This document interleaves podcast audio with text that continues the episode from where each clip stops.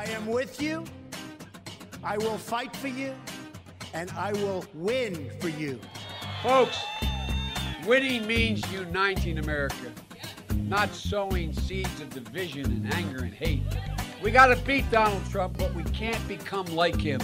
And we will make America great again. God bless you and good night. We kunnen er niet omheen. In de peilingen staat Trump op een flinke achterstand en het is maar de vraag of hij die nog kan inlopen. Wie zijn de Republikeinse stemmers die zo massaal afhaken? In deze Holland-Amerika-lijn gaan we erop in. Mijn naam is Victor Pak en aan de andere kant van de lijn zit Emiel Kossen. Welkom. Dag Victor. Voor we echt gaan beginnen, twee uh, huishoudelijke mededelingen. We nemen het op voor het debat, dus we hebben geen idee wat daar gaat gebeuren. Ten tweede, um, jij was in Michigan en nu zit je alweer in California. Een hele reis, maar vooral klink je iets slechter omdat je wat, uh, wat verder weg zit. In de podcast gaan we het vooral hebben over Michigan. Vertel Emiel, waarom was je daar? Ja, Michigan is een, een interessante swing state geworden na 2016, toen Donald Trump daar uh, met een miniem verschil won. Je kan je misschien nog wel herinneren, hij kreeg 10.704 stemmen meer dan democraat Hillary Clinton. En dat is in een staat met bijna 8 miljoen geregistreerde kiezers. Dit jaar staat hij er niet zo goed voor in de peilingen. Um, het is een teken dat Joe Biden een goede kans maakt. En dat komt dus ten dele omdat een, uh, een, groepje Republikeinse kiezers klaar is met Trump en op Biden gaat stemmen. Is Michigan een unieke staat in, dit, in deze situatie? Nee, uh, het, is, uh, het is onderdeel van wat de Democraten de Blue Wall noemden in 2016, totdat die Blue Wall omviel. Pennsylvania, Wisconsin, Michigan, die, die zien allemaal een beetje dezelfde trends. Die lijken allemaal weer richting de Democraten te schuiven. Um, ja, en als die drie staten allemaal op Joe Biden stemmen, dan is er een hele goede kans dat hij de volgende president wordt. Een flinterdun verschil was het waarmee Trump Michigan dus won in 2016 en nu staat hij op achterstand. De kiezers die jij sprak, wat, wat vertellen die jou? Nou, ik was vooral in de buurt van Detroit, in de voorsteden van Detroit. Uh, daar wonen veel uh, blanke Amerikanen die, die overwegend op Donald Trump stemmen in 2016. En er is veel teleurstelling. Um, teleurstelling over de auto-industrie, die uiteindelijk het niet veel beter deed onder, onder een Trump-presidentschap als, als onder Obama. En er is grote teleurstelling over Trumps, ja, Trumps leiderschapskwaliteiten. zijn, zijn vele onwaarheden, leugens, zijn, zijn narcistische karakter. Ze klinken dus teleurgesteld in de president en, en zijn handelen de afgelopen vier jaar. Het was ook wel opvallend dat Trump überhaupt won in Michigan. Hij was de eerste republikein sinds 1992 die de staat naar zich toe trok. En bovendien staat het bekend als een, als een vrij democratische staat. Want Detroit is een stad die bekend staat om de auto-industrie. En daar zijn vakbonden heel machtig. En vakbonden die horen vaak bij de Democratische Partij of hebben er nauwe banden mee. Hoe wist Trump er in 2016 zijn slag te slaan? Het was een beetje een, eh, een samenloop van omstandigheden. Uh, we hadden aan de ene kant natuurlijk Hillary Clinton bij de Democraten, uh, die niet per se een, uh, een kandidaat was die veel arbeiders interessant vonden. En aan de andere kant was er Donald Trump die gouden bergen beloofde. beloofde om die auto-industrie in Michigan weer helemaal terug te krijgen naar de gloriedagen van net na de Tweede Wereldoorlog. Uh, ook hij wist dat die uh, beloftes uh, ja, eigenlijk niet, niet echt zou kunnen vervullen. Maar dat klonk veel kiezers beter in de oren dan Hillary Clinton, die zich vooral uit tegen klimaatverandering eigenlijk dus indirect ook tegen de auto-industrie. En jij sprak daar met allemaal kiezers. Wie is je het meest bijgebleven? Belangrijk om te vermelden natuurlijk is dat ehm, ja, die kiezers die nu afhaken bij Trump, dat is maar een heel klein aandeel. in grote delen van de staat zie je nog steeds support voor, voor Trump. Schuurtjes zijn beschilderd met zijn naam, uh, hangen spandoeken. Maar omdat hij dus met zo'n klein verschil won, ja, is elke kiezer die afvalt een, een, een, hele waardevolle. dus ik sprak met een aantal mensen die, die inderdaad niet meer op Donald Trump willen stemmen en nu Biden overwegen. Een daarvan was Jack Spielman, die zat 30 jaar in het leger, vocht in de Eerste Golfoorlog. En um, ja, die stemde eigenlijk al zijn hele leven republikeins. En uh, dat was dan ook de belangrijkste reden waarom hij uh, in eerste instantie op Donald Trump stemde. Laten we even naar, uh, naar Jack luisteren. I wasn't one of those fanatics who was going to the rallies. Uh, but you know, I, I I fully supported him. I was glad he won. You know, I've been a conservative Republican, and, if you're going to cross over, you know, it's like Miss Clinton was not going to be enticing to cross over. Jij zei het al, er is een heel fanatiek deel van Trumps aanhang die, die schuurtjes beschilderen, die Make America Great Again vlaggen aan hun huis uh, knopen. Maar Spielman zegt, ik, ik was niet zo'n fanaticus, ik uh, bezocht geen rally van de president, maar ik stemde wel voor hem. Is hij nou kenmerkend voor, voor de groep kiezers die Trump aan het verliezen is, of misschien zelfs al verloren heeft? Ja, wat er natuurlijk de afgelopen jaren is gebeurd, is uh, historisch voor de Republikeinse Partij. Uh, dit was een partij die een x aantal jaar geleden uh, Mitt Romney naar voren schoof. Een, een, een economische, sociaal-conservatieve man. Donald Trump heeft met die ideologie vrij weinig te maken. En dus zie je nu dat ja, sociaal-conservatieve Amerikanen, zoals Jack Spielman, ja, afhaken bij iemand als Donald Trump. Spielman beschrijft zichzelf als iemand die een diep geloof heeft in wapenbezit, is een tegenstander van abortus uh, is een voorstander van religieuze vrijheid. Dat zijn allemaal uh, onderwerpen die eigenlijk bij de Republikeinse Partij horen.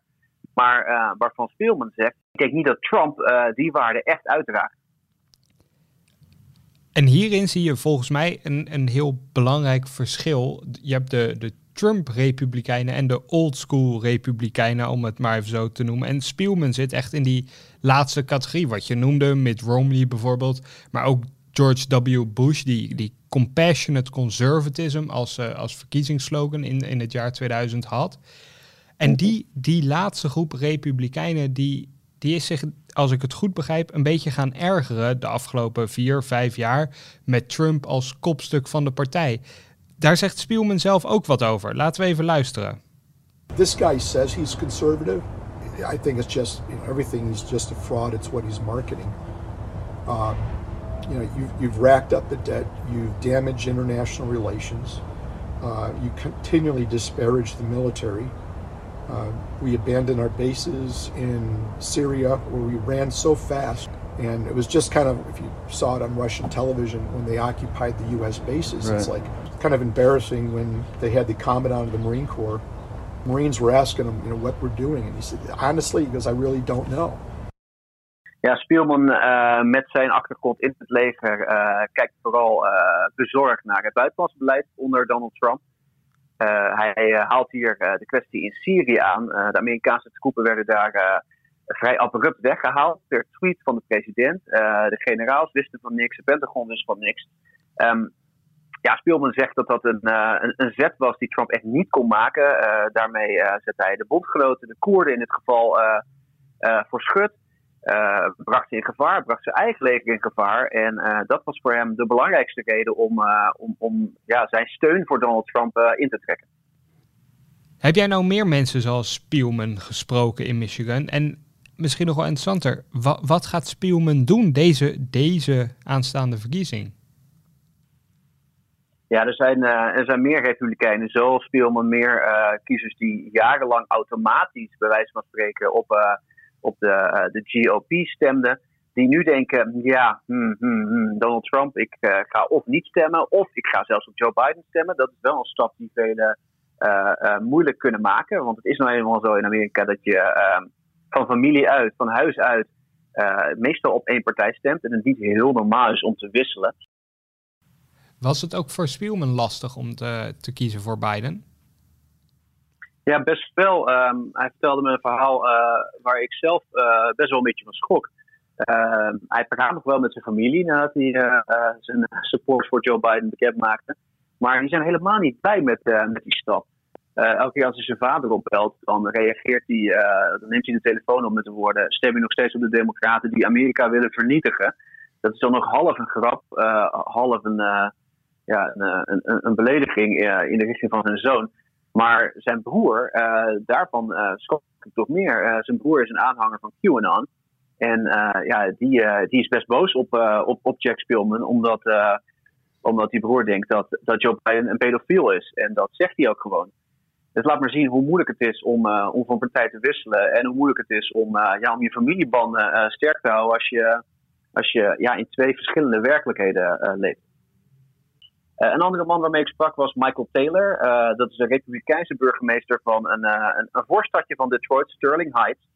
En ehm, ja, die dacht ook in eerste instantie, ik geef Donald Trump een kans. Ehm, dat viel tegen. Uh, hij hoopte vooral dat, dat Trump de vrije markt zijn gang zou laten gaan. Maar ehm, ja, hij baalt er vooral van dat Donald Trump zoveel aandacht opeist en zoveel polarisatie zaait. Dat is ook een argument dat je, dat je veel hoort, ook een argument dat Spielman gebruikt. En zowel Taylor als Spielman, ja, die zeggen nu op Joe Biden te gaan stemmen. Vreest Taylor geen, geen politieke gevolgen? Um, ja, hij vreest het niet. Hij heeft ze wel al, al meegemaakt. Hij kwam uh, op tv kwam hij uit voor zijn steun aan, aan Biden. En vrijwel direct liet de Republikeinse partij hem keihard vallen. ze noemden hem een verrader. Nou, in de weken daarna kwamen ook inwoners van de stad naar hem toe. die bedreigden hem. Die zeiden: Wat doe je nou? Hoe kan je nou in hemelsnaam op Joe Biden stemmen? Taylor die, ja, die heeft die keuze zelf gemaakt. Die weet dat zijn carrière binnen de Republikeinse partij er nu min of meer op zit. Maar uh, ja, hij is echt, het, het, belang is te groot. Ik, zie, ik kan mezelf niet vinden in deze Republikeinse partij. Ik ben conservatief. Eh, Donald Trump is dat niet.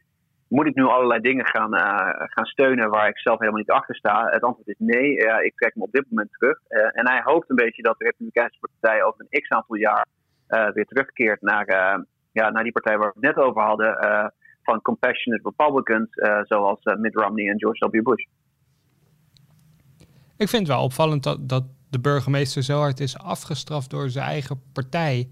Want er zijn meer republikeinen toch die, die niet zoveel hebben met Trump. In een uitgelekt telefoongesprek van uh, een senator uit uh, Nebraska uh, is bijvoorbeeld gebleken dat hij waarschuwde voor een republikeinse bloedbad, omdat ze gewoon keihard gaan verliezen. Althans, dat was zijn vrees.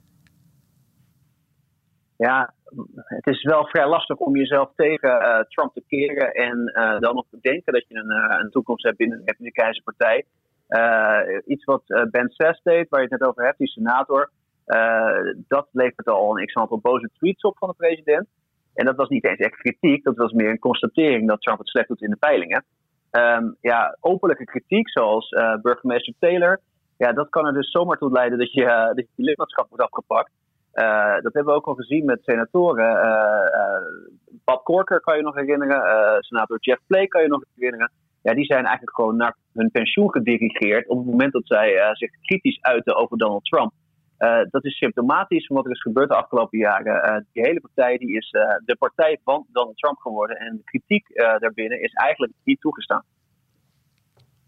Voor we het gaan hebben over of Trump hier nog iets aan kan doen, vroeg ik me eigenlijk af is, is, er, is de hoop van, van bijvoorbeeld zo iemand als, als Taylor wel reëel dat de Republikeinse Partij het Trumpisme nog van zich kan afschudden over een aantal jaar? Ja, dat is heel lastig. Dat is koffie kijken. Het ligt natuurlijk ten eerste aan wat er gebeurt uh, op 3 november. Uh, we hebben gezien wat er gebeurde in 2016. Donald Trump kan nog steeds winnen. Er is nog steeds een kans. en ook als hij verliest, dan is de vraag uh, waar hij heen gaat. Misschien blijft hij wel aan als een soort van informele partijleider. Uh, misschien schrijft hij zijn kinderen naar voren die zijn uh, ideologie blijven verspreiden. wat duidelijk is, is dat ja, een groot deel van Amerika, zo'n 40% van de kiezers, stevast positief is over Donald Trump. En die supporters die zullen niet zomaar verdwijnen. dus het kan een beetje naïef zijn om te denken dat we zomaar weer terugkeren naar, naar het, het, het normaal van een x aantal jaar geleden. Um, het zou goed kunnen dat uh, die verschuivingen binnen de partijen, waarbij de arbeidersklasse dus deels naar de Republikeinen ging, uh, dat die verschuiving uh, permanent is. Een groep die zich fel verzet tegen de verschuiving naar de partij van Trump is het zogenoemde Lincoln Project. Een groep ex-republikeinen, of mensen die zichzelf wel als republikein zien, maar niet als Trump-republikein, maakt venijnige spotjes over Trump. Laten we even luisteren naar een bewerking van het liedje Don't Cry For Me Argentina. Don't cry for me, White House staffers. The truth is, I will infect you all through my tweeting, my mad existence. I broke my promise, won't keep my distance. The Lincoln Project is responsible for the content of this advertising. Filmpjes van het Lincoln Project gaan viraal op sociale media. Ze worden veel verspreid. Ze worden soms ook uitgezonden op televisiestations. Wie zitten er achter deze, deze spotjes? Dat zijn een aantal uh, vrij invloedrijke republikeinse strategen. Dit zijn de mensen die uh, vier jaar, acht jaar, twaalf jaar geleden uh, de campagnes voor republikeinse kandidaten leiden. en nu leiden ze dus een campagne tegen de republikeinse president. Um, ik sprak met Jeff Timmer, dat is uh, uh, een van de, uh, de strategen achter de Lincoln Project. Hij, hij was tientallen jaren een invloedrijke republikeinse campagneman in de staat Michigan. Um, en hij vertelde dat, dat ze een budget hebben van 60 miljoen, miljoen dollar. waarmee ze dus die commercials uitzenden en waarmee ze proberen het normaal te maken voor, voor republikeinse kiezers om deze keer niet op Trump te stemmen of zelfs op Joe Biden. Trump wordt dus eigenlijk aangevallen vanuit zijn eigen kamp. Het is nog maar kort te gaan tot de, tot de verkiezingen, maar kan hij nog iets hieraan doen? Kan hij die mensen nog proberen te paaien bijvoorbeeld? Ja, we zitten op een moment uh, in de Amerikaanse politieke geschiedenis dat uh, het grootste deel van de Amerikaanse een keuze wel heeft gemaakt. Uh, zo iemand als Jack Spilman die gaat niet meer naar de andere kant. Uh, tegelijkertijd zijn er ook een hele hoop mensen die zitten heel erg vast in het Trump-kamp. Uh, die geloven allerlei uh, um, theorieën over Joe Biden, dat hij zeer links zou zijn en het land zou omver zou werpen, tot een socialistische helstout zou maken. er zijn gewoon twee kampen op dit moment. Er zijn niet zoveel um, undecided voters meer over, er zijn niet zoveel zwevende kiezers meer. dat is in principe slecht nieuws voor Donald Trump in dit geval, want ja, hij staat consequent achter in de peilingen de grote vraag blijft op 3 november uh, wie er dan daadwerkelijk naar de stembus komt. Ook met uh, de zorgen rond het coronavirus. Dus dat is wat de kandidaten nog kunnen doen. Uh, de eigen kiezers zo enthousiast mogelijk maken. En hopen dat er net wat meer naar de stembus komen dan, dan, dan ze in de peilingen aangeven. Trump moet het dus als het ware hebben van een uitvergroting van zijn eigen diehard achterban. Van de mensen die hun, hun schuurtjes wel beschilderen met, met zijn naam. Precies, en dat was ook een beetje uh, de reden van zijn overwinning in Michigan in 2016. Uh, eh, ja, diehard Trump-fans die kwamen opdagen en een hele hoop Hillary Clinton-fans, althans democratische kiezers, die dachten over Hillary Clinton, moi, ze is wel oké, maar ik heb misschien vandaag uh, niet zoveel tijd om te gaan stemmen. een deel van de democraten bleef thuis en Donald Trump won dus met dat minime verschil. En hoe schat jij dat dan in, hè? als we nog even bij Michigan blijven?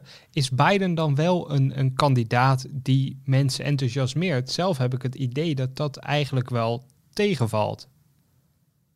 Ja, Biden is aan de ene kant uh, een kandidaat ja, waarbij de campagne bijna niemand enthousiasmeert. Uh, maar sommige analisten zeggen dat is een, een, een positief punt in dit geval, omdat Hillary Clinton ook een hele hoop anti-stemmen opleverde. Een hele hoop mensen uh, gingen naar de stembus voor Donald Trump omdat ze Hillary Clinton niks vonden. Of bleven thuis omdat ze Hillary Clinton niks vonden. Uh, bij Joe Biden is dat veel minder het geval. een van de opvallende zaken die ik deze verkiezingsrace zie, is dat in boekwinkels, in 2016 lagen boekwinkels vol met anti-Hillary Clinton boeken. over allerlei complottheorieën dat ze overal geld vandaan haalden en corrupt was, et cetera, et cetera. Ja, over Joe Biden bestaan die boeken vrijwel niet. Het is pas in de laatste weken dat we het hebben over Hunter Biden. Tot die tijd waren er eigenlijk vrijwel geen van, die, van dat soort verhalen.